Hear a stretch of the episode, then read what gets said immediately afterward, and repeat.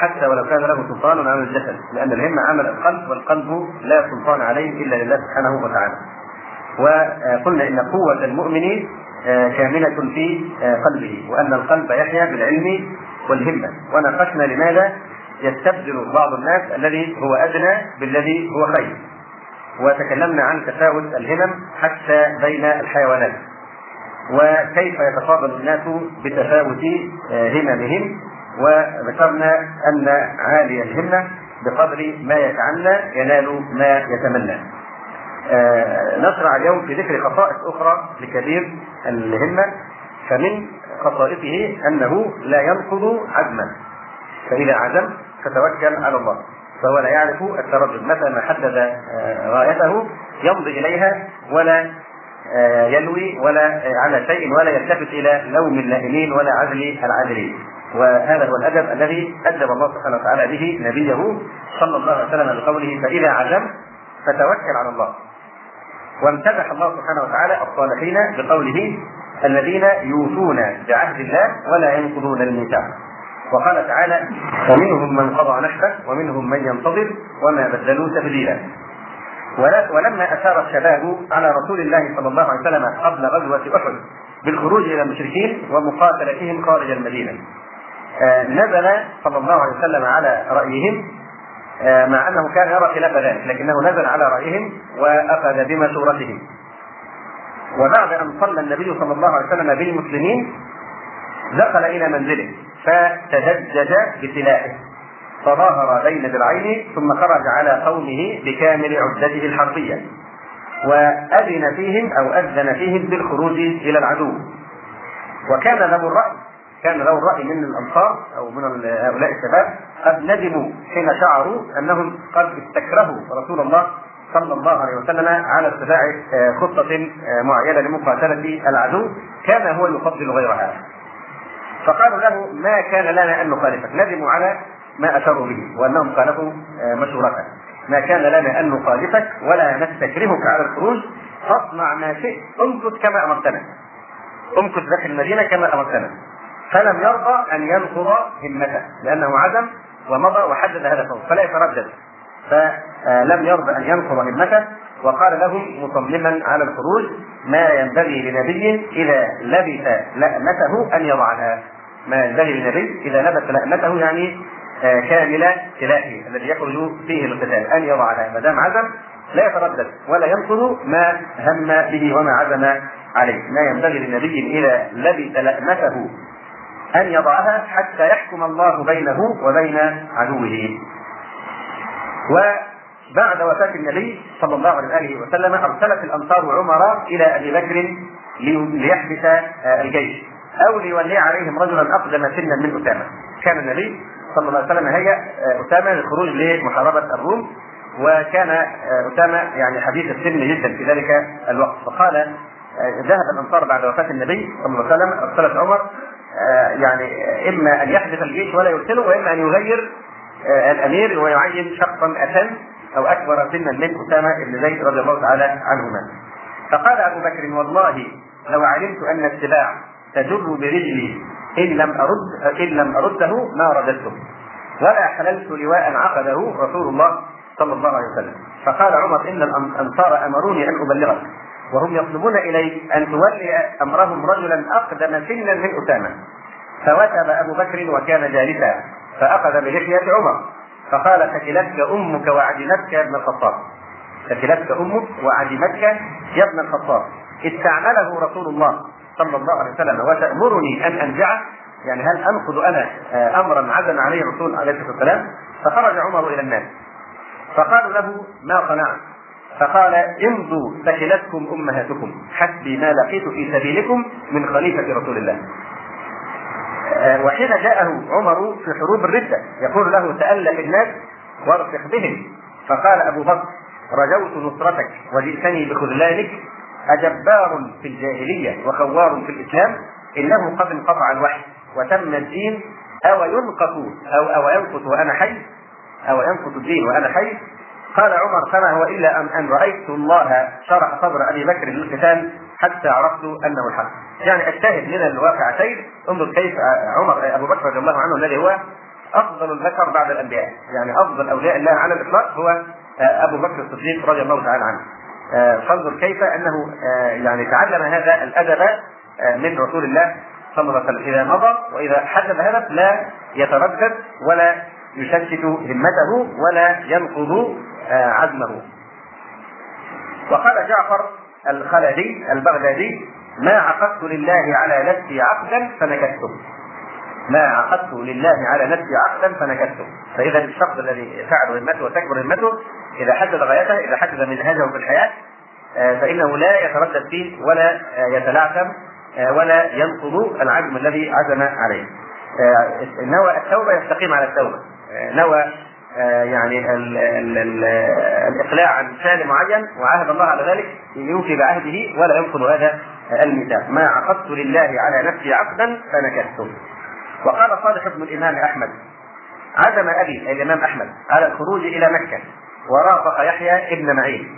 فقال أبي آه نحج ونمضي إلى صنعاء إلى آه عبد الرزاق. الإمام عبد الرزاق يعني بعد ما يحج يحجان يسافران إلى اليمن ليلقيا الإمام عبد الرزاق الصنعاني حتى آه يحدثهم حديث رسول الله صلى الله عليه وسلم. قال فمضيا حتى فمضينا حتى دخلنا مكة. فإذا عبد الرزاق في الطواف. يعني هم هم خرج على أنهم بعد الحج يذهبان إلى اليمن. ففوجئ بعبد الرزاق الإمام عبد الرزاق بن همام الصنعاني في الطواف. وكان يحيى يعرفه. فطفنا ثم جئنا إلى عبد الرزاق فسلم عليه يحيى. وقال هذا أخوك أحمد بن حنبل. فقال حياه الله إنه ليبلغني عنه كل ما أسر به. ثبته الله على ذلك. ثم قام لينصرف. فقال يحيى ألا نأخذ عليه الموعد؟ يعني نأخذ عليه الموعد ونحدثه في مكة. ونجلده في مكة. كي يحدثنا. بدل ان نسافر فأبى أحمد. وقال لم أغير النية في رحلتي إليه؟ فأبى الامام أحمد أن ينقض عزمه أو أن يهدم نيته السابقة في السفر إلى اليمن في طلب العلم.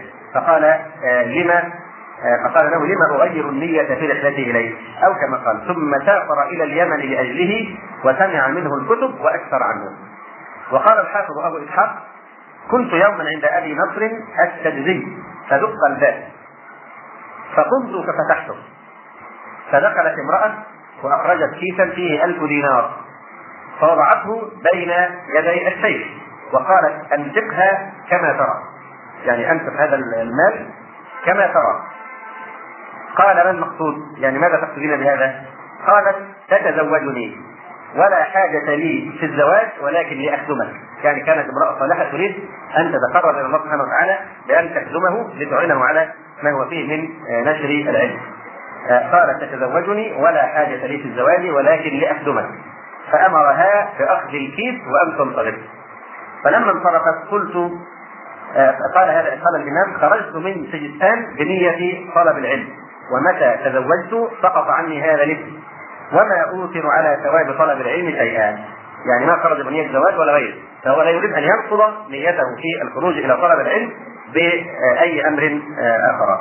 من ذلك أيضا ما يذكره بعض الكفار من أن رجلا خطب امرأة ذات منصب وجمال. فأبى لفقره. قالت لو أنت فقير وما تصلح. وقلة حسبه ففكر بأي الأمرين ينالها. أبالمال أم بالأم بالحسب فاختار الحسب يعني هي أخذت عليه أنه فقير وأنه ليس ذا حسب فقال أعالج عندي هاتين الصفتين إما أنال الحسب أو أنال المال. فاختار أن ينال الحسب وطلب العلم من أجل أن يكون له شهرة وصيت ويكون له حسب ويعني وشهرة بالعلم. فاختار الحسب وطلب له العلم. إذا كان يقصد من طلب العلم التأهل لزواج هذه المرأة حتى أصبح ذا مكانا حينئذ بعثت إليه المرأة تعرض نفسها. فقال لا أوثر على العلم شيئا.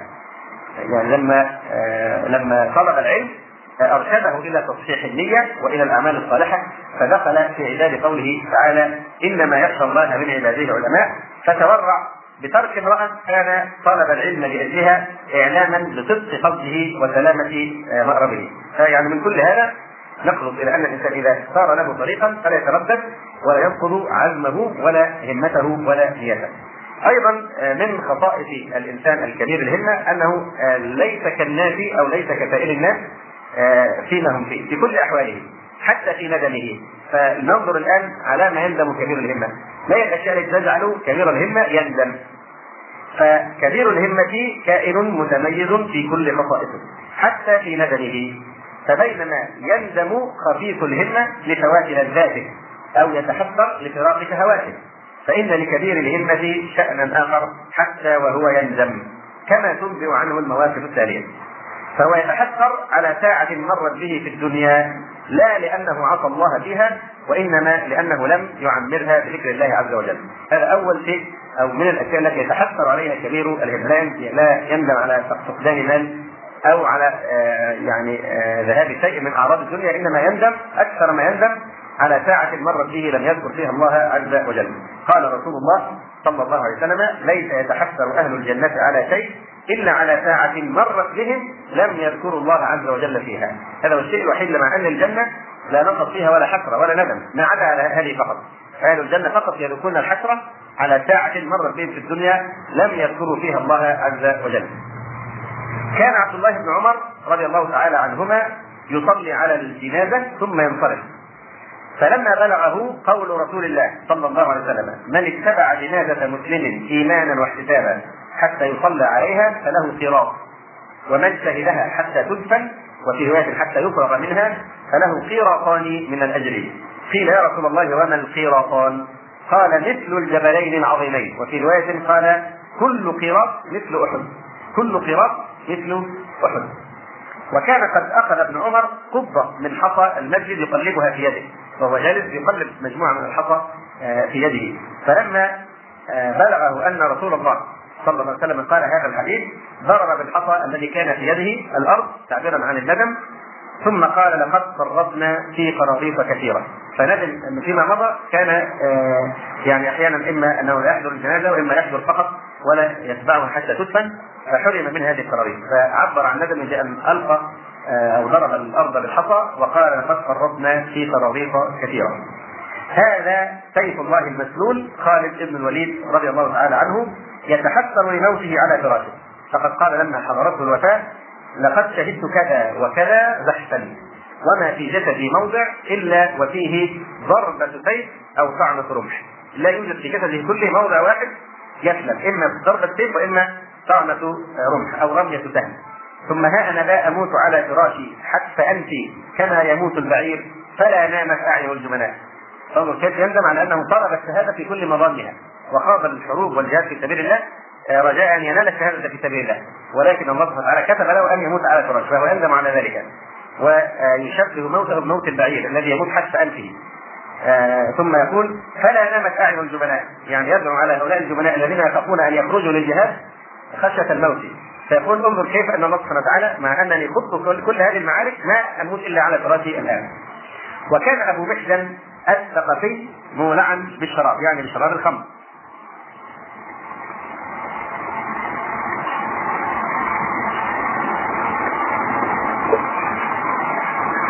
وكان أبو محزن الثقفي مولعا بالشراب مشتهرا به. وكان كعب ابن أبي وقاص رضي الله تعالى عنه حبسه فيه حبسه بسبب في السجن يعني أو في المحبس بسبب آه، أو في الدار آه، بسبب شربه الخمر. فلما كان يوم القادسية وبلغه ما يفعل المشركون بالمسلمين وهو عند أم ولد لكعب قال هذا الشعر كفى حزنا أن تطعن الخيل بالقنا وأترك مشدودا علي وثاقيا يندم على أنه الآن متخلف عن الجهاد والمسلمون يلاقون عدوهم في القادسية. كفى حزنا أن تطعن الخيل بالقنا وأترك مشدودا علي وثاقيا إذا قمت عنان الحديد وغلقت مغاليق من دوني تصم المناديا وقد كنت ذا أهل كثير وإخوة فقد تركوني واحدا لا اخا لي هلم سلاحي لا أبا لك إنني أرى الحرب لا تزداد إلا تماديا. فقالت له أم ولد سعد. كانت تقريبا قائمة هي على حركته أو على آه، محبته. آه، قالت له أتجعل لي إن أطلقتك أن ترجع حتى أعيدك في الوثاق؟ تعدني أني إذا أطلقتك الآن وأخرجتك كي تشارك في الجهاد. فإذا فرغت من الجهاد تعود آه، إلى القيد ثانية وإلى الحد قال نعم. انظر كيف يعني حرصه على الجهاد. عاهدها على أنه إذا فرغ من الجهاد يعود وللمحدث كما كان. قال نعم فأطلقته. وركب فرسا لسعد بل ركب فرسا خاصة من من خيول سعد. وحمل على المشركين هجم على المشركين.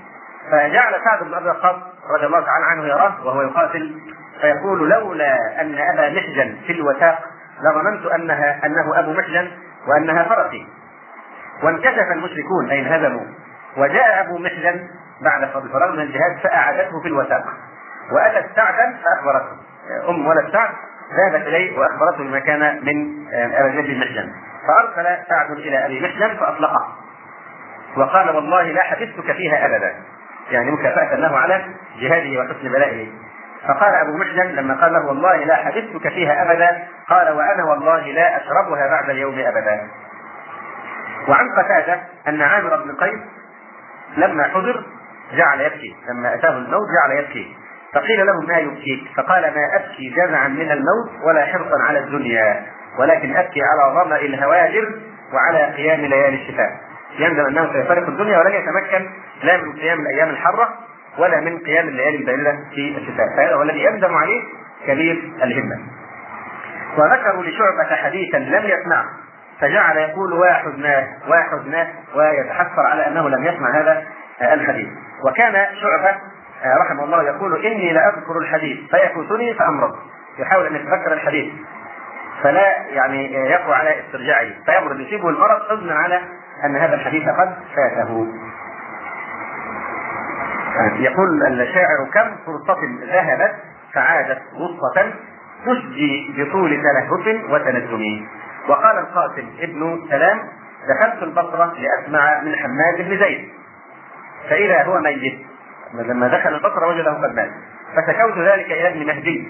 فقال لي مهما سبقت فلا تسبقن بتقوى الله. ليوفيه ويعزيه. مهما سبقت وفاتك من العلم أو من الحديث فما زال باب التقوى والعبادة مفتوح فلا يسبقك أحد في طاعة الله سبحانه وتعالى. ولما حج أبو أبو بكر السمعاني والسلفي ظفر بابي مكتوم عيسى بن أبي ذر. فتهاونا تهاونا في أن يسمع عليه الأحاديث. فسارع في النفر الأول. يعني إيه سارع في النفر الأول؟ يعني تعجل في يومين. آه يعني نفر من الحج في الايه؟ في ثالث أيام التشريق. ورجع إلى موطنه آه فراغ وفاتهما. فتحزن تاج الإسلام أبو بكر. فأخذ السلفي يسليه ويقول ما كان معه سوى صحيح البخاري وأنت في إسناده مثله. يوافيه على شدة ندمه لما فاتهما. واقتنى الشيخ جمال الدين ابن القططي نسخة جليلة من كتاب الأنساب للسمعاني حررت بيد المؤلف. إلا أن فيها نقصا وبعد الاصطلاح المزيد والاتخاذ الطويل حصل على الناقص على الأوراق الناقصة من النسخة. إلا على أوراق بلغه أن آه، قلانسيا قد استعملها في شغله، رجل كان يصنع القلانس فاستعملها جعلها قوالب للقلانس. فضاعت فتأسف غاية الأسف على هذا الضياع أن هذه الأوراق ضاعت بهذه الطريقة وندم ندما شديدا حتى كاد يمرض. وامتنع أياما عن الخروج إلى الأمير في قصره. فصارت عدة من الأفاضل والأعيان يزورونه تعزية له كأنه قد مات أحد أقاربه المحبوبين. من شدة ندمه على أو تألمه لفوات هذه الأوراق. فإذا هذه من يعني صفات هذه الهمة أيضا أنه لا يندم على أي شيء. لا يبالي بما فاته من الدنيا وإنما يحزن مثل هذا الحزن إذا فاته شيء من مقاصد الآخرة. أيضا كبير الهمة على الإطلاق هو الشخص الذي يتحرى الفضائل ومعالي الأمور. لا للذة ولا لثروة ولا لاستشعار نحوة ولا بغرض الاستعلاء على البرية وعلى خلق الله لكنه يتحرى مصالح العباد شاكرا بذلك نعمة الله وطالبا به مرضاته غير مكترث بقلة مصاحبيه. فإنه إذا عظم المطلوب قل المساعد وطرق العلاء قليلة الإيمان. إذا عظم المطلوب كلما كان الهدف والغاية عالية وشريفة كلما قل من يساعدك آه، ويستمر في المسير معك إليه. فلذلك طرق العلاء قليلة الإيمان يعني تكون موحشة لقلة السالكين أي نعم. يقول الشاعر أهم بشيء والليالي كأنها تطاردني عن كونها وأطارد فريد عن الخلان في كل بلدة إذا عظم المطلوب قل المساعد. عن ابن جدعان قال سمع عمر رجلا يقول اللهم اجعلني من الأقلين. فقال يا عبد الله وما الأقلون؟ قال سمعت الله يقول وما آمن معه إلا قليل. وقليل من عبادي الشكور. وذكر آيات أخرى. فقال عمر كل أحد أفقه من عمر. وقال سفيان بن عيينة اسلكوا سبل الحق ولا تستوحشوا من قلة أهلها. وقال الفضيل بن عياض رحمه الله إلزم طريق الهدى ولا يضرك قلة السالكين وإياك وطرق الضلالة ولا تغتر بكثرة الهالكين. وقال سليمان الدراني لو شك الناس كلهم في الحق ما شككت فيه وحدي. لو كل من على ظهر الأرض شكوا في الحق ولم يؤمنوا به أو لم يعملوا له ما شككت فيه وحدي. لثبت أنا وحدي على هذا الحق. وقال بعض الصالحين انفرادك في طريق طلبك دليل على صدق الطلب. فعالي الهمة ترقى في مدارج الكمال بحيث صار لا يأبه بقلة السالكين ووحشة الطريق لأنه يحصل مع كل مرتبة يرتقي إليها من الأنس بالله ما يزيل هذه الوحشة وإلا انقطع به آه، السبيل. يعني السالك إلى الله سبحانه وتعالى كلما ارتفع درجة يحصل أمران كلما ارتفع درجة يحصل أمران آه، الأمر الأول أنه يشعر بمزيد من الوحده لأن رواد الطريق يقلون. كلما كان الهدف أصعب والهمة أعلى والهدف أسمى يقل الناس الناس معظمهم يشتغلون بتفاتف الأمور وبالدنيا. أما هو فكلما ارتقى في في في, في مطلبه كلما وجد الوحشة. هذه الوحشة تزول لأنه كلما ترقى في الإيمان كلما ينال من الأنس بالله ما يلاشي هذه الوحشة. آه، واضح؟ فلذلك يعني آه، يوضح ذلك بمعرفة مراتب الدين الثلاثة. كما جاء في حديث جبريل آه، حينما سأل الرسول صلى الله عليه وسلم عن الإسلام والإيمان والإحسان. فالإسلام أخص من الإيمان من حيث المعنى. لكنه أعم من حيث الأفراد. والإيمان أخص من الإحسان من حيث المعنى لكنه أعم من حيث الأفراد. بمعنى يعني ال ال من من ال أن كل محسن مؤمن وكل مؤمن مسلم. ولكن ليس كل مسلم مؤمنا ولا كل مؤمن محسنا. في هذه المراتب درجات ودرجات. كلما ارتفع السالك درجة شعر بقلة في السالكين فإذا لم يكن قد حصل مع ارتفاع كل درجة. من الأنس بالله بقدر شعوره بقلة السالكين في هذه الدرجة لاستولى عليه الشعور بالوحدة. فأحسن أحواله حينئذ أن ينقطع عن الرقي أو يمله وهو بذلك مغبون. وإما أن يعود آه، القهقرة. هنا لكن إذا لم ييأس وعاود السير فإنه يربح فلا يخسر أبدا.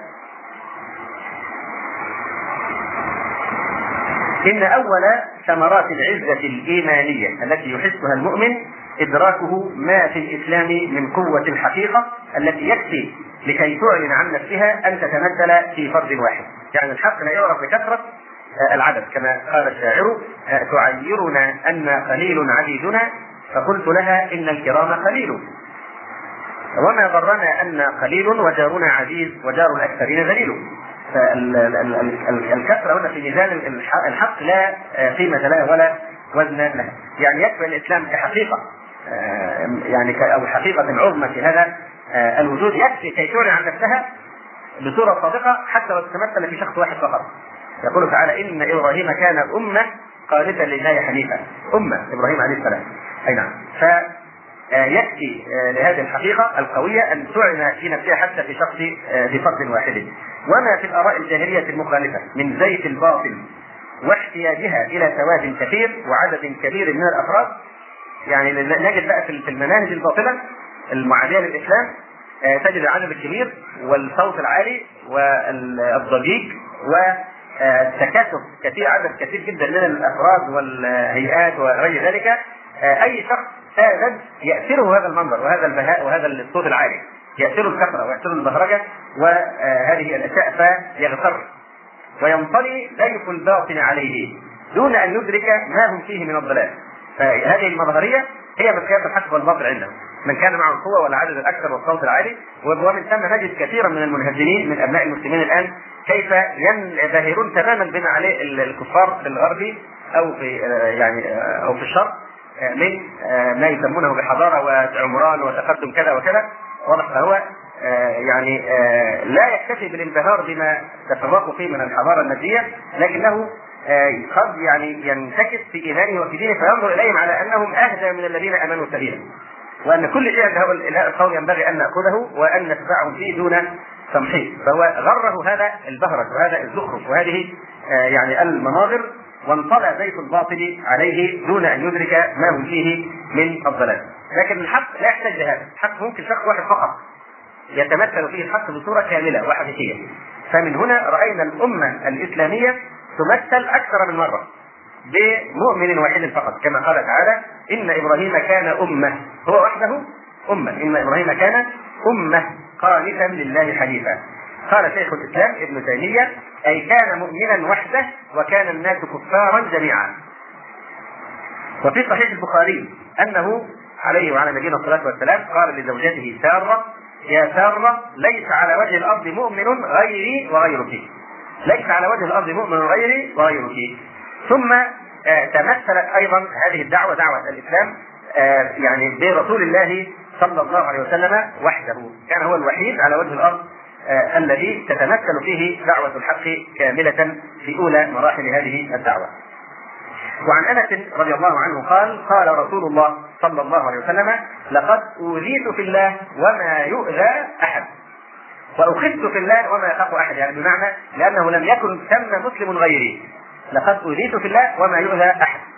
آه، وأخذت في الله وما يخاف أحد. ولقد أتت علي ثلاثون من بين يوم وليلة وما لي ولبلال طعام يأكله ذو كبد إلا شيء يواريه إبط بلال رضي الله تعالى عنه. فيعني إذا كان المؤمن الحق كبير الهمة قد يتحدى العالم كله ويتحدى كل من على ظهر الأرض بإيمانه ولا يتزعزع كما قال ذلك العالم الجليل لو شك الناس كلهم في الحق ما شككت فيه وحدي. فمن ثم آه، تبنى الأمم بهمم هؤلاء الرجال. ممكن أمة بكاملها ينقذها شخص واحد. وممكن أمة بكاملها مهما يعني أصابها من التدهور والانحطاط يحيي دينها ودعوتها إيه؟ مجدد كما أخبر النبي صلى الله عليه وسلم. لذلك اختصارا للطريق إذا آه، إذا يعني امتن الله على الأمة بهؤلاء الأفراد الأسباب يختصر الطريق جدا وتصلح بصلاحهم يعني آه، أمم من الناس. فمن ثم ينتد باب شعور المؤمن بالغربة. المؤمن الحقيقي آه، لا يعاني من هذه الغربة الإيمانية. فهو لأنه يمثل الإيمان والحقيقة يشعر بأن الناس جميعا وهم في ضلالهم هم الغرباء التائهون. ولذلك فإنه لما توهم واهم فوصف عبد الوهاب عزام آه، الشاعر الشهير بالغربة كان جوابه سريعا لما قال له آه، يعني أنت غريب وهذه ومثلك غريب فقال قال لي صاحب أراك غريبا. بين هذا الأنام دون خليلي. قلت كلا بل الأنام غريب أنا في عالمي وهذه سبيلي. لست أن الغريب هم الغرباء حتى لو كانوا كثرة لأن الغربة الحقيقية الغربة عن الحق. أي نعم. قال لي صاحب أراك غريبا. بين هذا الأنام دون خليلي قال قلت كلا بل الأنام غريب. أنا في عالمي وهذه سبيلي. آه، طبعا غربة الغرباء التي ذكرت في قول النبي صلى الله عليه وسلم توبى للغرباء. يعني هذه الغربة بالنسبة للواقع بالنسبة للواقع من آه، حولهم. لماذا؟ لأن من هو الغريب؟ الغريب الشخص الذي يعيش في بلد ليس له فيها أهل أو أهله فيها قليلون. هذه الغربة. فهذا هو معنى الغربة. يعني إن الإنسان بدأ غريبا وسيعود كما بدأ غريبا. يعني ندرة الحق في في وسط إيه؟ امواج آه، الضلال. فهم نادرون وقلة بين مساء ضال. أما في عالم الضمير والشعور فإن للمؤمن الفرد من إيمانه انيسا ورفيقا وخليلا يبعد هذا الشعور بالاغتراب من الناحيه الوجدانيه والقلبية ولا يجد الغربة. لكنه من حيث العدد يعني هو نعم غريب. لكن من حيث تمسكه واستيثاقه من الحق الذي آه بين آه يعني جنبيه آه، ليس غريبا بل يأتنس بالله سبحانه وتعالى. يقول الإمام ابن القيم رحمه الله تعالى آه، وما أحوجنا في الحقيقة إلى يعني هذا الكلام في هذا الزمان، يعني نحن الآن لسنا آه، احادا ولا عشرات ولا مئات حتى ولا ولا الافا. المسلمون على وجه الأرض هم عدد كبير بل كثير ولا حول ولا قوة إلا بالله كغثاء السيل الا ما رحم الله. آه، ومع ذلك نحن ننهزم أمام أمام الباطل ونتأثر بالحملات الملحدة على دين الله سبحانه وتعالى.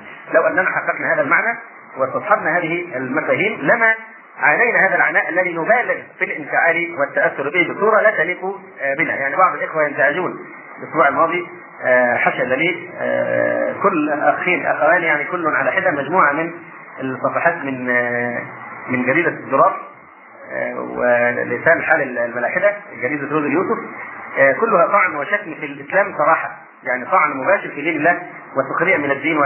فيعني أصلا ماذا لكم أنتم تنشغلون بهذا الباطل؟ هل إحنا كل واحد يعمل نكتة نجيبها ونقعد نقول الواحد بيقول أنا جبت لابني اللعبة بتاعته لحيه يلعب فيها أو يسخر من المنقبات أو يطعن في شريعة الله. طبعا هذا ليس شغلنا لدينا ما هو أهم. والله سبحانه وتعالى قال فأعرض عن الجاهلين. وإن لم يكن هؤلاء هم الجاهلون فمن الجاهلون؟ فمش مش معقول كل من يلقي إلينا بصخرة نقف معه ونرد عليه ونناقش باطله. فيعني أقوى ما يرد به على هؤلاء أن يعرض عنهم أن يعرض عنهم. الآن هناك يعني كما سمعت تمثيلية جديدة أيضا كمسلسل العائله من قبل أيضا نفس الشيء السخرية من الدين و... لأن هذه أساليب الباطل يعني يكفي أن الباطل يعلن عن نفسه بهذه الطريقة. هذا هو أسلوبه وهذا هو منهجه وهذا هو ضعفه. لأن كل هذه التصرفات الضعفاء هذه التصرفات الشتائم والقدح والقذف والألفاظ البذيئة والماجنه والكذب والتلفيق والدجل يكفي أن الباطل يفضح نفسه ويكشف سوءاته بهذه الأساليب. فينبغي أن نتسامى عن أن ننزل إلى هذا المستوى. كل ما واحد يعمل شيء نرد عليه ما يصلح يكون ذلك. يعني كما يعني قال رجل طيار مرة يقول نحن تعلمنا في الطيران طيار مش مصري. يقول نحن تعلمنا في الطيران إن أنني إذا خرجت أطلب هدفا معينا فمهما حصل نوع من المقاومة الأرضية لا أرد عليه. لأن كل ما واحد هو متعلق بالهواء كل ما واحد يلقيه بقذيفه ينشغل بالرد عليه سيتخلف عن هدف الأسم الذي يقصده. فالإنسان إذا حدد له هدفا الدعوة التربية التعلم العبادة الجهاد أي هدف من هذه المقاصد تمضي في طريقك ولا تلتفت للصبية الصغار الذين يقذفونك بالحجاره وإلا كما قال الشاعر لو كل كلب عوى ألقمته حجرا لاصبح الصقر مثقالا بدينار. من يعرف كلمة مثقالا؟ لا أنا بقول اعرابها صحيح سليم لو كل كلب عوى القمته حجرا لأصبح الصقر مثقالا بدينار. هي تمييز اي نعم أنا أسأل بس الاعرابات اللي بتؤثر في المعنى. يعني يعني فالشاهد ينبغي ألا ننشغل بهؤلاء، هؤلاء هم الذين قال فيهم فأعرض عن من تولى عن ذكرنا ولم يرد إلا الحياة الدنيا. إن الساعة آتية أكاد أخفيها. فلا يصدنك عنها من لا يؤمن بها واتبع هواه فتردى. وقال تعالى أولئك يدعون إلى النار والله يدعو إلى الجنة والمغفرة باذنه هؤلاء هم الذين وصفهم الرسول صلى الله عليه وسلم بقوله دعاة على أبواب جهنم. من أجابهم إليها قذفوه فيها. ويكفي أن هؤلاء الملاحدة ملاحدة قلوب يوسف الذين يدخلون على كل الموائد يعني فيما مضى كانوا مع الاشتراكية ومع الشيوعية يمشون مع أي مائده بس المهم تكون جبهة مضاده للإسلام. هذه رسالتهم في الحياة فهم أحقر وأذل وأصغر من أن نتكلف الرد عليهم ونأتي بكلامهم البذيء ويعني نتعقبه لأن الحقيقة إثبات وهبوط إلى مستوى يليق بالباطل. أما الحق فلا يعني يتنزل إلى هذا الانحطاط وهذا المستوى يعني الثقيل أو الدنيء ونضيع يعني وقتنا معه. فلا تبالغ. وأعرض عن الجاهلين. هؤلاء هم الجاهلون. هؤلاء الذين قال الله فيهم إن الذين أجرموا. يعني لما رب العزة سبحانه وتعالى يصف قوم بأنهم مجرمين. ماذا تريد أنت بعد ذلك؟ إن الذين أجرموا كانوا من الذين فتصبح كل هذه الابتلاءات ذكريات. الزمن يمضي ويمر والعمر فيمضي سريعا. وتنقضي كل ما على وجه الأرض هؤلاء. ثم يصبح كل العناء مجرد ذكرى. مجرد ذكرى فقط. إن الذين أجرموا كانوا. من الذين آمنوا يضحكون وإذا مروا بهم يتغامزون وإذا انقلبوا إلى أهلهم انقلبوا فكهين وإذا رأوهم قالوا إن هؤلاء لضالون وما أرسلوا عليهم حافظين. فاليوم الذين آمنوا من الكفار يضحكون على الأرائك ينظرون هل ثوب الكفار ما كانوا يفعلون؟ وقال تبارك وتعالى إنه كان قال اخسأوا فيها ولا تكلمون. إنه كان فريق من عبادي يقولون ربنا آمنا فاغفر لنا وارحمنا وأنت خير الراحمين الغافرين. فاتخذتموهم سخريا حتى أنسوكم ذكري فتنة. وكنتم منهم تضحكون. إني جزيتهم اليوم بما صبروا. أنهم هم الفائزون بما صبروا فلا بد من الصبر ولتسمعن لتبلون في أموالكم وأنفسكم ولتسمعن من الذين أوتوا الكتاب من قبلكم ومن الذين أشركوا أذى كثيرا فمن عزم الأمور أن نصبر وأن نتقي فمن الصبر أن نضيع أوقاتنا في تتبع هذه الأشياء، أنا أصلا أسأل ليه الاخ يشتري زوج يوسف؟ هل هذه المجلة الملحدة الماجنة تدخل بيت مسلم؟ ألا تستحضر أنك تسأل عن المال الذي تشتري به رجل يوسف؟ وعن الصور القبيحة التي في رجل يوسف؟ فيكفي في يعني الباطل لا يحتاج إلى تعاليه لأنه عار بادية بادية سوءته ولا يحتاج إلى ان إلى من يسقطه أو أن يفضحه فينبغي ألا ننشغل وأن نمضي في ضريقنا ولا نبالي بهذه آه، يعني المناهضة لدين الله سبحانه وتعالى. يقول الإمام المحقق ابن القيم الجوزية رحمه الله تعالى في شأن يعني عالي الهمة يقول لا يكترث بمخالفة الناكبين عنه له فإنهم هم الأقلون قدرا وإن كانوا الأكثرين عددا. كما قال بعض السلف عليك بطريق الحق ولا تستوحش لقلة السالكين. وكلما استوحشت في تفردك فانظر إلى رفيق الرفيق السابق واحرص على اللحاق بهم وغض الطرف عمن سواهم. فإنهم لن يغنوا عنك من الله شيئا. وإذا صاحوا بك في طريق سيرك فلا تلتفت إليهم أن هؤلاء هم قطاع الطريق إلى الله. قطاع الطريق إلى الله. كل هدفهم أن يصدوا الناس عن دين الله. يعني الذي يلتحي إذا حلق لحيته كذا يكون حقق هدفه إذا ترك الصلاة إذا شرب الخمر آه، يقال عليه إن استقام حاله واستقام سيره. لأنه شرب الخمر آه، صاحب البنات آه، تخلى عن دينه وعن التزامه وعامل معاملة جيدة. تمسك بدينك تضطهد هذه فتنة. وهذا يعني ابتلاء أحسب الناس أن يتركوا أن يقولوا آمنا وهم لا يفتنون.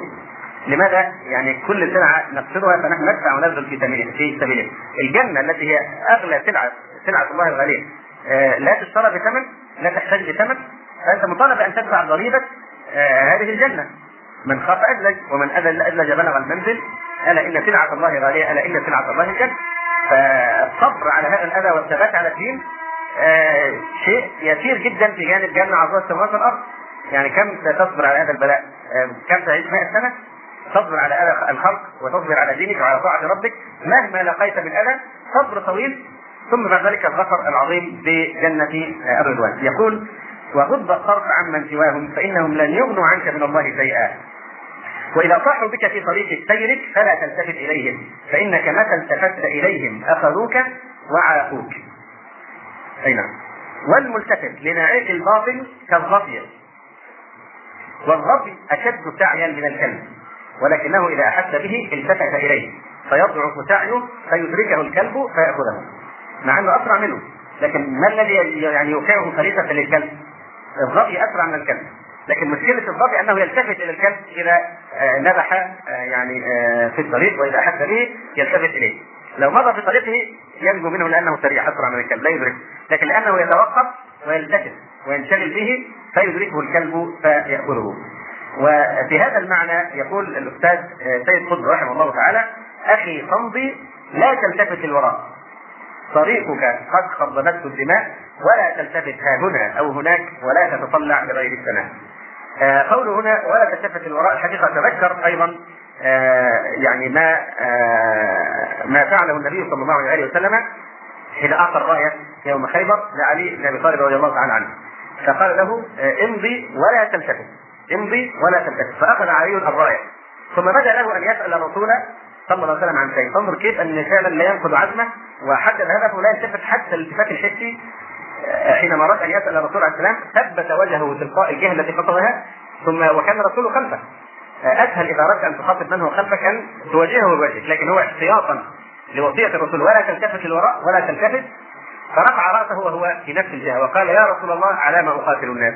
فقال أقاتلهم على كذا وكذا إلى آخر الحديث فالشاهد لا تلتفت للوراء ما دمت قررت المضي العمل للجنة والسعاده في الآخرة لا تلتفت إلى الدنيا ولا تلتفت إلى قطاع الطريق إلى الله سبحانه وتعالى.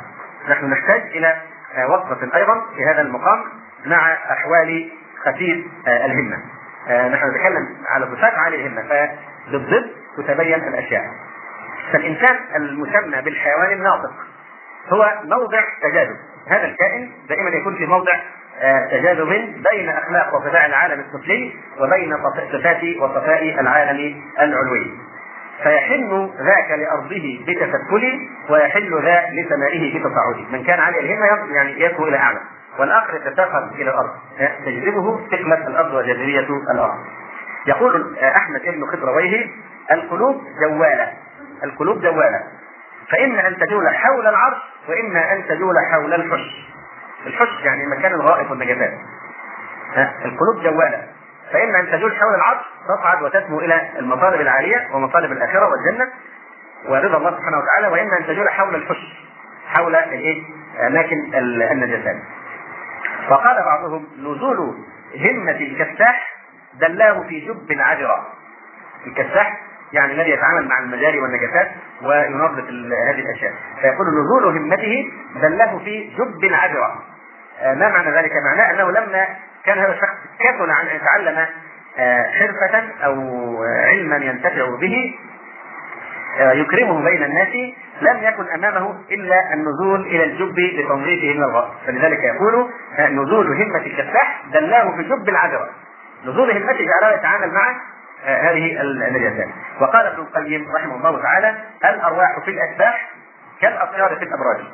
الأرواح في الاشباح الاشباح من الاجسام كالأطيار في الأبراج وهي أنواع. وليس ما أعد للاستفراغ كمن هيئ للسباق. هل الطيور التي تعدها؟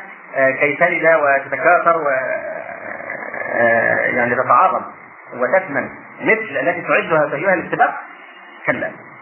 يقول الشاعر خلق الله للحروب رجالا ورجالا لقطعة وتريد فشاء الله سبحانه وتعالى أن يعني ينوع ويجعل سعي خلقه شتى. فمنهم من آه، يعني آه، همته الأمور العاليه خلق الله للحروب رجالا ورجالا لقطعه وتريد. القطعه والفتة والتريد هذا هو إيه؟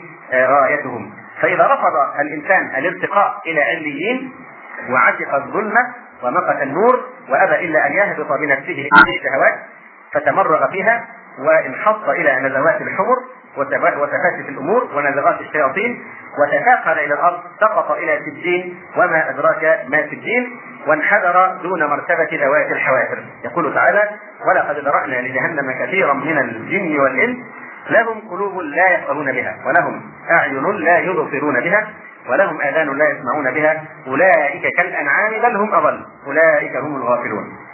وقال تبارك وتعالى والذين كفروا يتمتعون ويأكلون كما تأكل الأنعام والنار مثوى لهم. كما تأكل الأنعام لتثمن كذلك هؤلاء يثمنون وينتهون بالدنيا كي آه، تأكلهم النار في النهاية.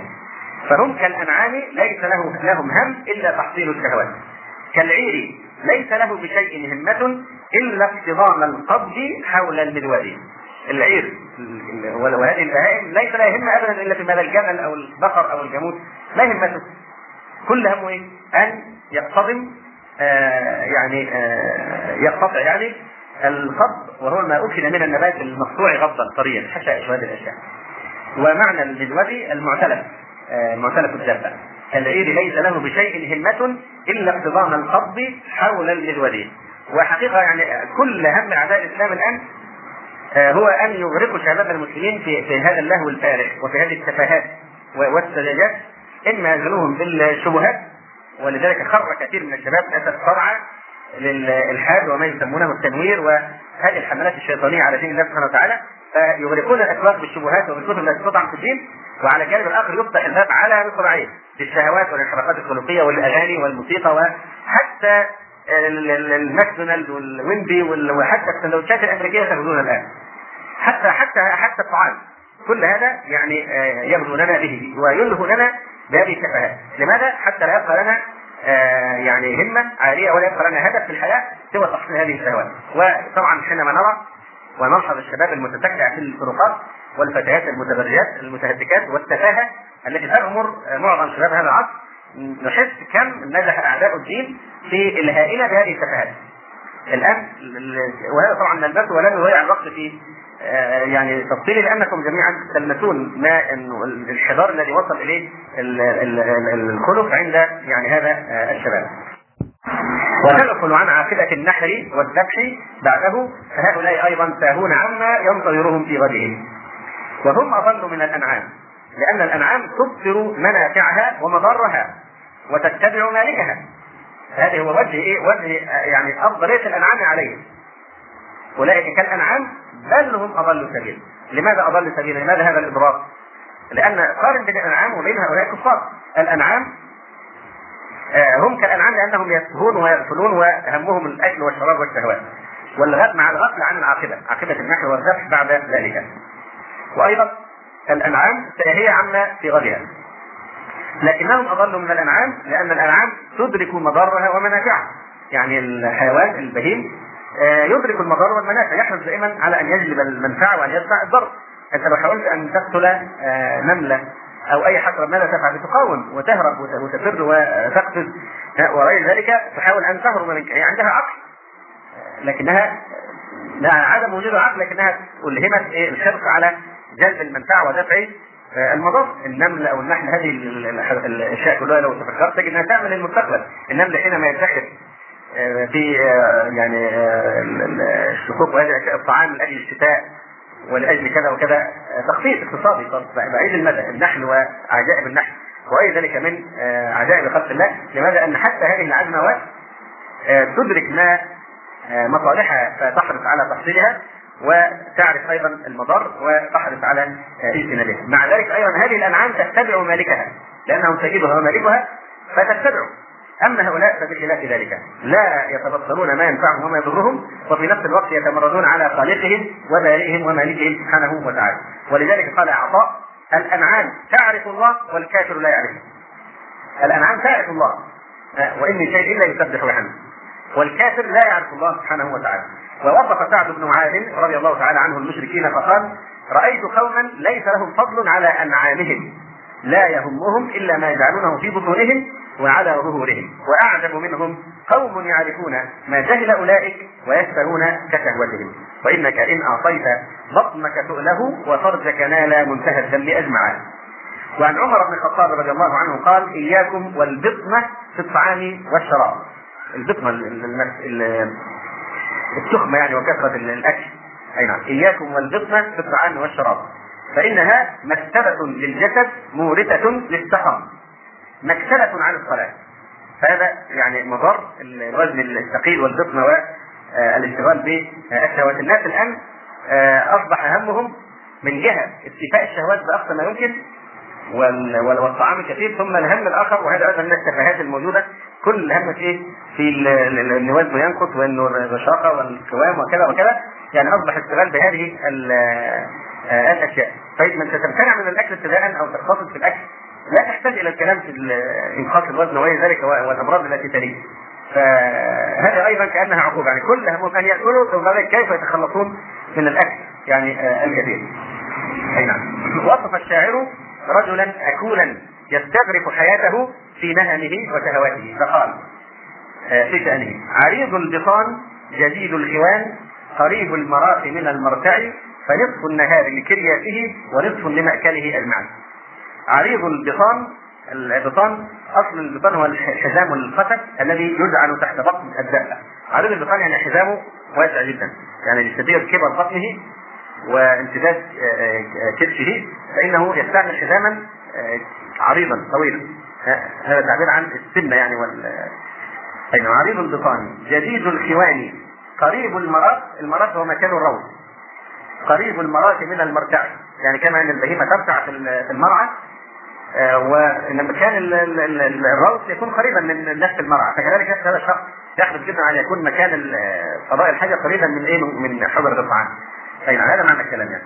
فنصف النهار لكرياته. كري الكريات هو الكنيف الذي يكون مشرفا على سطح السطح بقنائل الأرض. هذا هو عريض البطان جديد الخوان قريب المرات من المرتع فنصف النهار لكرياته ونصف لمأكله اجمع القسمه بالنصف نصف النهار يأكل والنصف الآخر في هذا المكان. وعن محمد بن الحنفية قال من كرمت عليه نفسه هانت عليه الدنيا. وقال وقيل لمحمد بن واسع إنك لترضى بالدون. قال إنما رضي بالدون من رضي الدنيا. إنما انما رضي بالدون من رضي الدنيا. يا خاطب الدنيا إلى نفسها تنحى عن خفتها تسلمي. إن التي تخطب غرارة قريبة العرس من المأتم يا خاطب الدنيا إلى نفسها تنحى عن خفتها تسلمي. إن التي تخطب غرارة قريبة العرس من المأتم وكثرة الهمم هؤلاء هم الذين أخبر عنهم الصادق المصدوق بقوله أهل النار وأهل النار خمسة. الضعيف الذي لا زبر له الذين هم فيكم تبعا لا يكون أهلا ولا مالا. أي نعم. يصف الرسول عليه السلام خمسة من أهل النار. يذكر من هؤلاء الخمسة الضعيف الذي لا زبر له يعني لا عقل له يمنعه ويزجره عما لا ينبغي. وقيل هو الصعلوك الذي لا مال له. أهل النار خمسة الضعيف الذي لا زبر له يعني لا عقل له. الذين هم فيكم تبعا يرضون أن يكونوا دائما ذيولا في المؤخرة. الذين هم فيكم تبعا. لا يبغون أهلا ولا مالا. لا يحرص دائما على أن يفر من المسؤوليه يفر من المسؤوليه لا يريد زوجة ولا يريد أولاد ولا يريد أن يسعى في آه، مصالحه. لكن يريد دائما أن يرضى بأن بالدون وأن يكون آه، تابعا. فهو قانع لكونه دليلا ومسبوقا وتابعا فار من المسؤولية وتبعاتها. ففيهم يقول الشاعر شباب قنع لا خير فيهم. وبورك في الشباب الصالحين.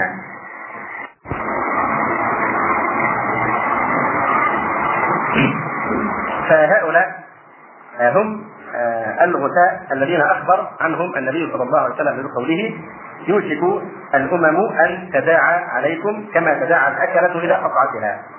فقال قائل ومن قلة نحن يومئذ؟ قال بل أنتم يومئذ كثير ولكنكم غثاء كغثاء السيل. ولينزعن الله من صدور عدوكم المهابة منكم ولا يقذفن في قلوبكم الوهن. فقال قائل يا رسول الله وما الوهن؟ قال حب الدنيا وكراهية الموت. وفيهم قال الشاعر وأفتح عيني حين أفتحها فأرى كثيرا ولكن لا أرى أحدا. فهم كفقة المتاع موتهم وحياتهم سواء. وفيهم يقول ابن الجوزي رحمه الله تعالى لا يدرون لما خلقوا ولا المراد منهم. وغاية همهم حصول بغيتهم من أغراضهم. ولا يسألون عند نيلها ما اجتلبت لهم من ذنب. حتى لو نال شهوته أو مراده مع الذنب يقول مش مهم المهم أعيش وانال ما أريد من مقاصدي وحتى لو كانت تستجلب الذنب أو أن يحتقرني الناس هذا كله لا يهمه. أي نعم. يبذلون العرض دون الغرض ويؤثرون لذة الساعة وإن اجتلبت زمان مرض. يلبسون عند التجارات ثياب مختال في شعار مختال ويلبسون في المعاملات ويذكرون الحال. إن كسبوا فشبهة وإن أكلوا فشهوة. ينامون الليل وإن كانوا نياما بالنهار في المعنى. وطبعا هذا هو يعني ما نحسه الآن الناس تجدها تمشي في الطريق مش بتمشي ليه؟ بتجر رجلها.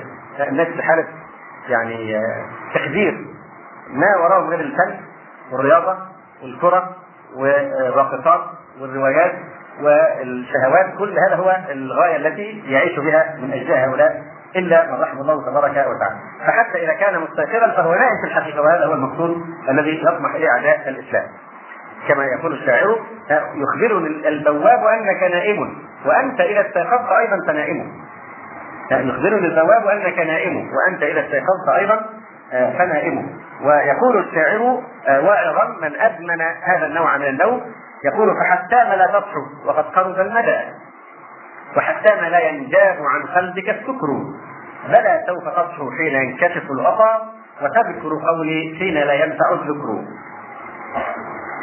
يقول آه، إن أكلوا فشهوة ينامون الليل وإن كانوا نياما بالنهار في المعنى. ولا نوم بهذه الصورة.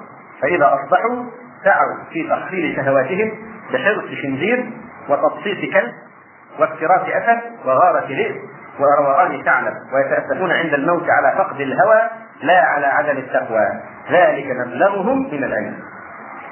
انتهى كلام الإمام ابن الجوزي فهؤلاء من كفلة الهمة كلما هم أحدهم أن يسمو إلى المعالي ختم الشيطان على قلبه عليك ليل طويل ترقد وكلما سعى في إقالة عثرته والارتقاء بهمته عاجلته جيوش التسويق والبطالة والتمني.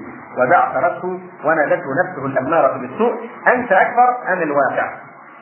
وهذه الكلمة طبعا تشيع على ألسنة سفلة الهمة. يقول لك أنت أكبر أم الواقع؟ المسلم لا يعترف بشيء اسمه الأمر الواقع. وإلا لما كان حصل أي تغيير ولا تجديد ولا دعوة إصلاحية في التاريخ كله. لكن هذا كلام سفلة الهمة. أما كبير الهمة فيرى أنه هو نفس الواقع.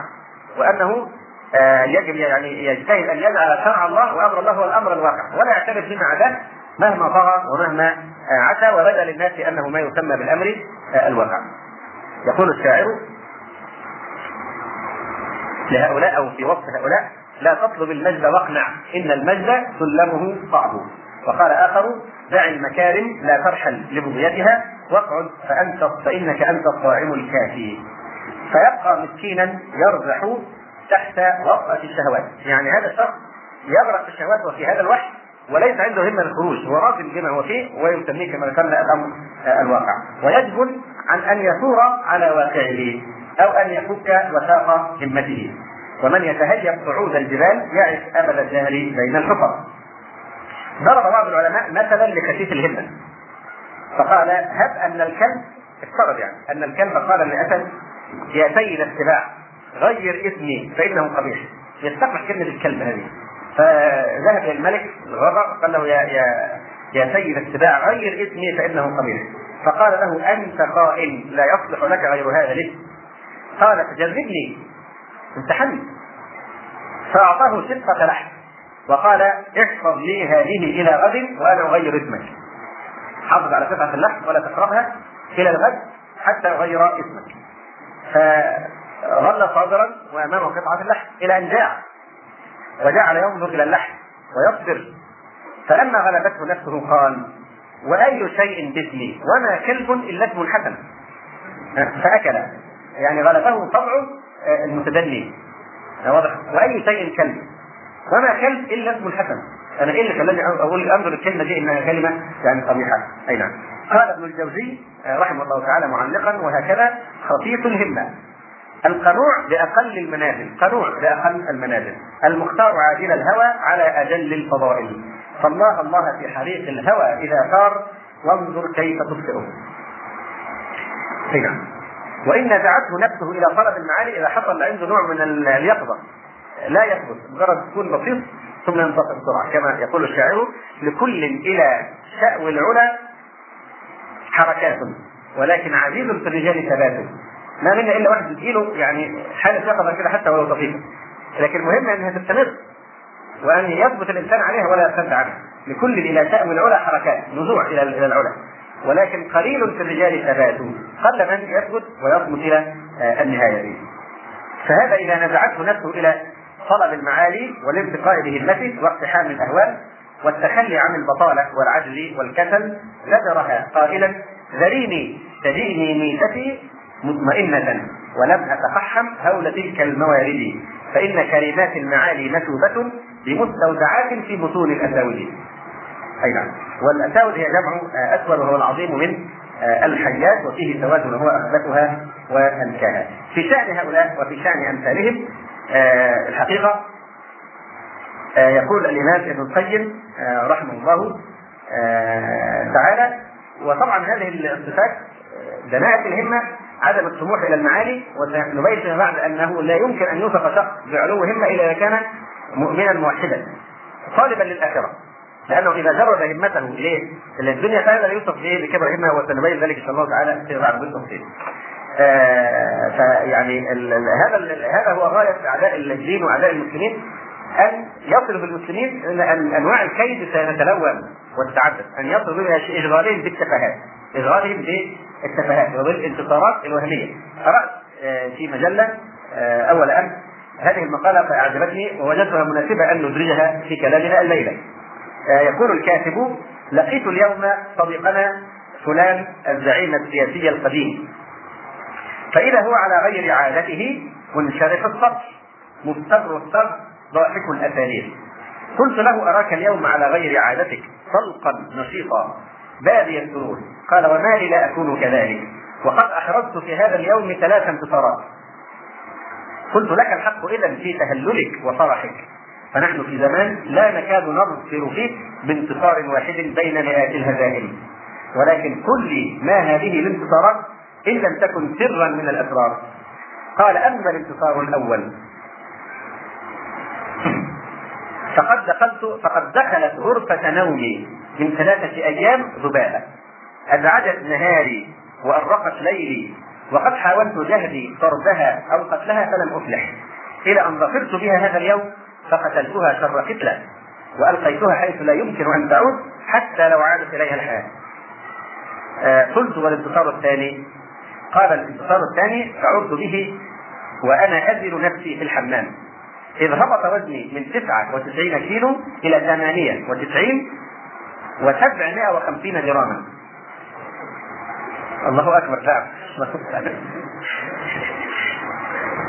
قلت والانتصار ما هو آه، عندنا ما هو أخف من ذلك. عندنا ما هو أخف من ذلك من الانتصارات. آه، قلت والانتصار الثالث.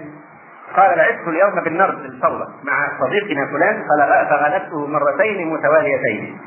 وهو الذي كان يغلبني باستمرار. أفتراني بعد ذلك كله حقيقا بما أنا عليه من السعادة والطلاق والمرح؟ قلت بلى بلى. نعم. يقول الكاتب وتابعت طريقي بأسى بالغ وألم عميق وحزن غامر عليه وعلى أنفسنا معه لقد سحقنا وعزلنا عن ميادين الحياة الجادة الطغيان الداخلي والخارجي المحلي والدولي. وفاتتنا الانتصارات الحقيقية الكبرى. فشغلنا أنفسنا وعوضنا مطامحنا والتمسنا الراحة والمتعة والرضا بمثل انتصارات هذا السياسي الكبير القدير أو بما لا يختلف عنها بالجوهر وإن اختلف بالشكل والعنوان أليس هذا ضربا من الجنون أو الموت المعنوي الذي يصنعه الطغيان؟ أليس الموت المادي الحقيقي أفضل من مثل هذه الحياة؟ فهل يتصور أن مسلما آه، يعيش هذه الانتصارات؟ ذاك بقى من انتصارات الكرة وكأن حروب كأن حروب انتصارات الكرة والرياضات الفن البطل من صار البطل الآن؟ البطل بطل التمثيلية أو المسرحية أو الفيلم. هذه هي البطولة. من صار النجوم؟ الراقصات وهؤلاء الفساق. واضح. وهذه هي الانتصارات وهذه هي ما يشجع باسم الفن والرياضة وغير ذلك من التفاهات التي يريدون إغراق الأمة بها كي لا تنهض إلى هدف أسمى ولا تدرك حقيقة ذاتها. المسلم يقول الله فيه ومن أحسن قولا ممن دعا إلى الله. وعمل صالحا وقال إنني من المسلمين. يفخر هم الآن يريدون أن يصلوا بنا إلا أنا آه، إذا سئلت أنت أنت مسلم أو إذا أظهرت شيء من الدين تكون مستخزيا آه، متبرئا. تريد أن تقول للناس أنا لست متطرفا أنا لست ارهابيا أنا لست كذا. يعني كأنك في موقف الدفاع. وكأن الانتساب للإسلام شيء يعني يجلب الخزي والعار وليس العزة والإستعلاء على على الباطل وعلى يعني هذا هو ما يقصدون. أن تفقد هويتك وتفقد اعتزازك بإسلامك ولا تفتخر به بل تشعر بالخزي والخذلان وأنك مضطهد وأنك مطالب في كل مكان وأنك حيثما حللت الناس ينظرون إليك. أنت إنسان غريب أنت الذي تقتل أنت أنتم الذين تستخفون النساء وتتزوجهن من أزواجهن. آه، هؤلاء هم الذين يكفلون النساء. هذا هو كله مقصود أن تشعر بالاستخلاء وبالدونية وبالنقص آه، وبالتالي لا يقتلون فيك الاعتزاز بهذا الدين. فهذا هو هدفهم آه، الذي ينبغي أن نكون واعين به. أي نعم. يقول آه الإمام ابن القيم رحمه الله تعالى لا شيء أقبح بالانسان من أن يكون غافلا عن الفضائل الدينية والعلوم النافعة والأعمال الصالحة. فمن كان كذلك فهو من الهمج الرعاع الذين يكبرون الماء ويغلون الأسعار. إن عاش عاش غير حديد وإن مات مات غير فقير. فقدهم راحة للبلاد والعباد. ولا تبكي عليهم السماء ولا تستوحش لهم الغبراء. وقال أيضا في الذين حرموا العلم والبصيرة والهمه والعزيمة.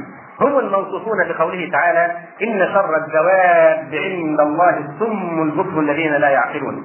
وبقوله أم تحسب أن أكثرهم يسمعون أو يعقلون؟ إن هم إلا كالأنعام بل هم أضل سبيلا. وبقوله إنك لا تسمع الموتى ولا تسمع الصم الدعاء. وبقوله وما أنت بمسمع من في القبور. قيل من في القبور يعني أجسادهم قبور. لهم. وهذا الصنف شر البرية. رؤيتهم قضى العيون وحمى الأرواح وسقموا القلوب يضيقون الديار ويغلون الاسعار ولا يستفاد من صحبتهم إلا العار والشنار وعند أنفسهم أنهم يعلمون ولكن ظاهرا من الحياة الدنيا وهم عن الآخرة هم غافلون. ويعلمون ولكن لا يضرهم ولا ينفعهم. وينطقون ولكن عن الهوى ينطقون. ويتكلمون ولكن بالجهل يتكلمون. ويؤمنون ولكن بالجبت والطاغوت ويعبدون ولكن من دون الله ما لا يضرهم ولا ينفعهم. ويجادلون ولكن بالباطل ليدخلوا به الحق. ويتفكرون ويبيتون ولكن ما لا يرضى من القول. ويدعون ولكن مع الله إلها آخر يدعون. ويحكمون ولكن حكم الجاهلية يبغون. ويقولون إنما نحن مصلحون. ألا إنهم هم المفسدون ولكن لا يشعرون. فهذا الضرب ناس بالصورة وشياطين بالحقيقة. وجلهم إذا فكرت لها حمير أو كلاب أو ذئاب وصدق البحتري البحتري في قوله لم يبق من جل هذا الناس باقية ينالها الوهم إلا هذه الصور. ليس فيهم من الإنسان إلا الشبح إلا هذه الصور. وقال آخر لا تخدعنك اللحاء والصور تسعة أعشار من ترى بقر في شجر السدر منهم مثل له رواء وما له ثمر. شجر السدر ضخم وكبير منظر لكن ليس له ثمر عقيم وأحسن من هذا كله قوله تعالى وإذا رأيتهم تعجبك أجسامهم وإن يكونوا تسمع لقولهم كأنهم خشب مسندة. عالمهم كما قيل زوامر الأستار لا علم عندهم بجيدها إلا كعلم الأباعر لعمرك ما يدري البعير إذا غدا بأوتافه أو راح ما في الغرائر. كان كان عندهم علم فهم لا يفقهون. كمثل الحمار يحمل الأسفار البعير إذا حمل آه، يعني كما كبيرا من كتب العلم. يحملها على ظهره لكن هل هو يعيها ويفقهها؟ وأحسن من هذا وأبلغ وأوجد وافصح قوله تعالى كمثل الحمار يحمل أسفارا. بئس مثل القوم الذين كذبوا بآيات الله والله لا يهدي القوم الظالمين. آه نختم الكلام ب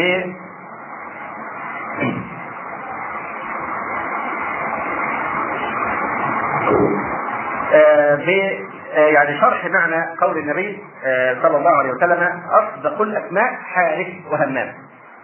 أصدق الأسماء حارث وهمام. فإن الناس جميعا مؤمنون وكفار.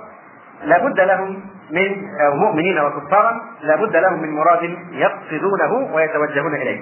يعني لا يوجد إنسان إلا لابد له هدف ولا بد له شيء يريده. أي نعم.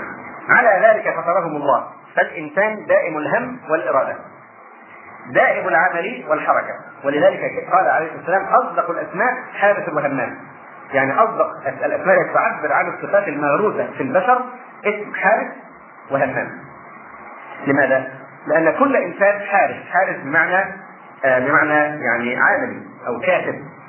وكل إنسان همام أي أي كثير الهم آه والإرادة.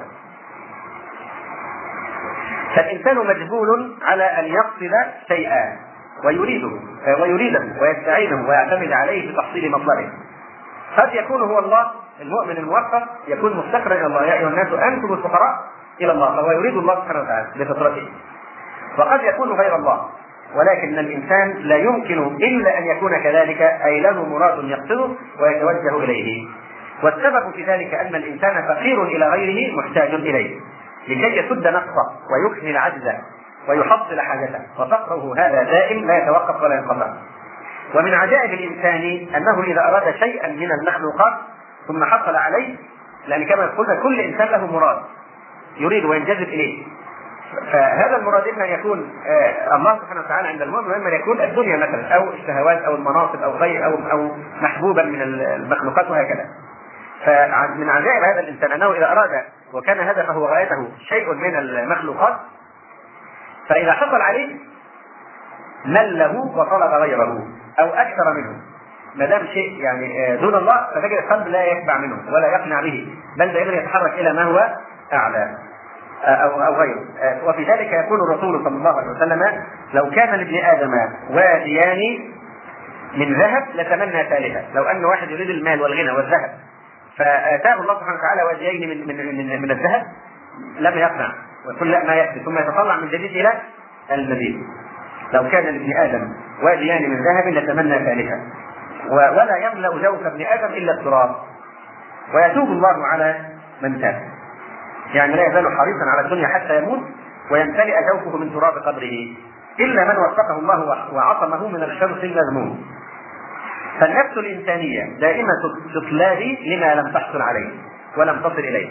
وليس هناك من شيء يمكن أن يسد فقرها وحاجتها إلا أن تصل إلى ربها ومعبودها يعني هذه المحطة التي إذا وصل الإنسان يستقر قلبه ويشبع ولا يلتفت إلى آه، غيره. فتعرفه وتقصده دون سواه. وعند ذلك يجد القلب مطلوبا. يعني القلب لا يطمئن ولا يسكن إلا إذا وصل إلى محبة الله سبحانه وتعالى وإرادته. كل ما دون ذلك مهما ينال من محبوبات فهو يملها ويريد التحول آه، عنها. أي نعم. فيكون الاطمئنان والراحة والهناء عند معرفة الله سبحانه وتعالى. ولذلك يقول تعالى ألا بذكر الله تطمئن القلوب. تسكن إذا ذكرت الله وعرفت الله سبحانه وتعالى. ألا بذكر الله تطمئن القلوب. فليس هناك ما يمكن أن يجلب آه، الطمأنينة إلا الوصول إلى الرب المعبود معرفة وقصدا وتوجها. يعبر الإمام ابن القيم آه، تعبيرا جميلا جدا عن هذا المعنى. فيقول رحمه الله تعالى لقد كان يسبي القلب في كل ليلة ثمانون بل تسعون نفسا وأرجح يهيم بهذا ثم يألف غيره ويتلوهم من فوره حين يصبحون. وقد كان قلبي ضائعا قبل حبكم فكان بحب الخلق يلهو ويمرح. فلما دعا قلبي هواك أجابه فلست أراه عن خبائك يبرح. وكم مشتر في الخلق قد سام قلبه فلم يره إلا لحبك يصلح هوى غيركم نار فلظى ومحبس وحبكم الفردوس أو هو أسبح فيا ضيم قلب قد تعلق غيركم ويا رحمة مما يزول ويكدح والنفس في طلب مرادها مترقية متسامية تطلب الأكمل والأفضل. والكمال كله والفضل كله حازته الذات الإلهية. فإذا وجه الإنسان قصده وهمته لغير خاطره فإنه يشقى ولا بد. لأن همومه تتعدد وغاياته تتكتل. فإذا لم يكن هم العبد هما واحدا تقاسمته هموم الدنيا. فعند ذلك لا يدري إلى أين يسير ولا كيف يتجه فمرة يشرق ومرة يغرب ومرة يعبد صنما وأخرى شمسا وقمرا. ويحاول إرضاء هذا مرة وذاك مرة. والذي رضي عنه قد يغضب عليه. والذي زين له العمل قد يستقبحه منه بعد حين. فيؤول الأمر به إلى الصراع والقلق الروحي والعقد النفسية وقد ينتهي به إلى الانتحار. أما المسلم فغايته واحدة. ومنهجه الذي يؤدي إلى هذه الغاية واحد. وهو قادر على أن يرضي الله ويسير على هداه. وبذلك تتوحد همته ويتحقق مطلوبه. لأن إرضاء الله مأمور ومقدور. يعني أنت مأمور بإرضاء الله وأنت تقدر على أن ترضي الله وان تتبع شرعه. في طاقتك. لا يكلف الله نفسا إلا وسعها. لكن إرضاء غير الله لا مقدور ولا مأمور. بمعنى لا يمكن ابدا أن تستطيع أن ترضي كل الخلق. إذا فعلت فعلا معين يرضى عنك البعض ويسقط عليك الاخرون إذا أرضيت هؤلاء يسقط هؤلاء. إذا أرضيت إذا فعلت العكس يسقط فريق ويرضى فريق. آه، واضح؟ ف فيعني فمن يعني أراد فإرضاء المخلوق غير مقدور وغير مأمور. لا تبالي بإرضاء الناس. اجتهد في ارضاء الله سبحانه وتعالى. يتكفل لك بكل أمورك. لماذا؟ لأن إرضاء الناس غير مقدور وغير مأمور. لا الله أمرك أن ترضي الناس ولا أنت مكلف بذلك ولا هذا يقع لاحد مش لا يمكن حتى الأنبياء لا اتفق عليهم البشر. منهم من كذبه ومنهم من آمن به فاجتماع الخلق ورضا الناس كلهم أو كلهم عن شخص معين هذا لا يمكن أن يقع حتى للأنبياء عليهم السلام. واضح؟ فإرضاء الخلق غير مقدور غير مستطاع وغير مأمور وأنت غير مكلف به. لكن إرضاء الله مقدور ومأمور. تقدر عليه وأنت مأمور به. بجانب أنك إذا أرضيت الله أرضى عنك الناس. كما سيأتي. وفي ذلك يقول النبي صلى الله عليه وسلم من كانت نيته الآخرة جعل الله غناه في قلبه وجمع, وجمع له شمله وأتته الدنيا وهي راغمة. ومن كانت نيته طلب ومن كانت نيته طلب الدنيا جعل الله فقره بين عينيه. وشتت عليه أمره ولا يأتيه منها إلا ما كتب له. يعني حرص الحرص لا يجر يعني رزق الله لا يجره حرص حريص ولا يرده كراهية كاره. فأنت ترزق رغم أنفك حتى لو كنت ترفض هذا الرزق. ما دام مكتوبا لك. ويقول صلى الله عليه وسلم آه يعني آه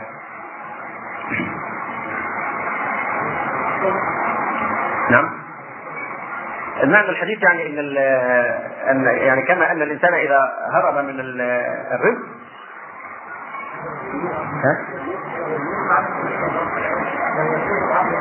لو أن رجلا يفر من رزقه كما يفر من الموت لأدركه رزقه كما يدركه الموت. لو أنك تهرب من الرزق كما تهرب من الموت لأدركك الرزق كما يدركك الموت لا محالة فالشاهد أن الإنسان إذا جعل همه هما واحدا هو إرضاء الله سبحانه وتعالى فإنه يكافئ هذه المكافآت. جعل الله غناه في قلبه. لا شك أن غنى القلب أعلى أنواع الغنى. جعل الله جعل الله غناه بقلبه وجمع له شمله وأتته الدنيا وهي راغمة وهي ذليلة. لكن من كانت نيته طلب الدنيا جعل الله فقره بين عينيه مع إنه يحرص على الهروب من الفقر بالسعي الحديث وراء الدنيا.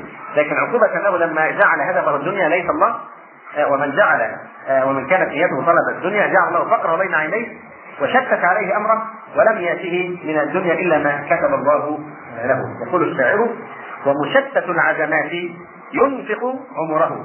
حيرانا لا ظفر ولا إخفاق نتيجة التشتت لكن إذا وحدت هدفك وجعلت هدفك هو الله وإرضاء الله والالتزام بشرع الله وتحقيق العبودية لله فالله سبحانه وتعالى يكفيك كل ما أهمك كل أمورك يذكرها الله سبحانه وتعالى آه، لك ويأتيك يعني رزقك آه، مباركة وتنجو من آفات طلب آه، الدنيا.